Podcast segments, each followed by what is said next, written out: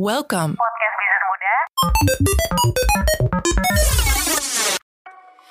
Halo BMers, kalian pasti suka berbelanja dong ya. Terlebih kemajuan teknologi telah mempermudah kalian dalam berbelanja.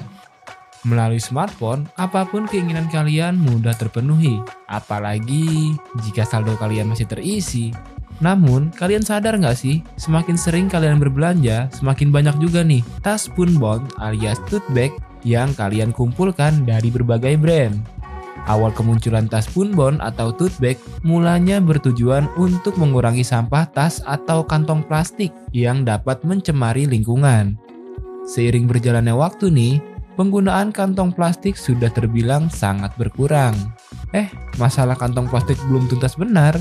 Kini, banyaknya tote bag yang kalian kumpulkan pasti menjadi masalah baru nih. Bahkan, banyak yang menduga tas punbon alias tote bag akan menjadi the next plastic waste. Oleh karena itu, agar hal itu tidak terjadi, berikut cara mencegahnya. Pertama, selalu pilih tas punbon yang berkualitas dan tahan lama.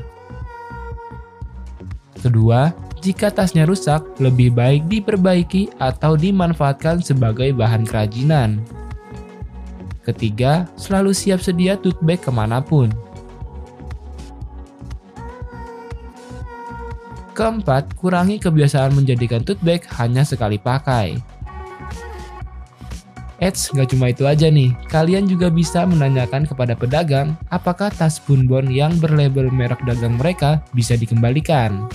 Hal itu perlu dilakukan agar mencegah sampah baru yang dapat mencemari lingkungan. Yuk gunakan tote bag kalian dengan bijak agar lingkungan bersih ya.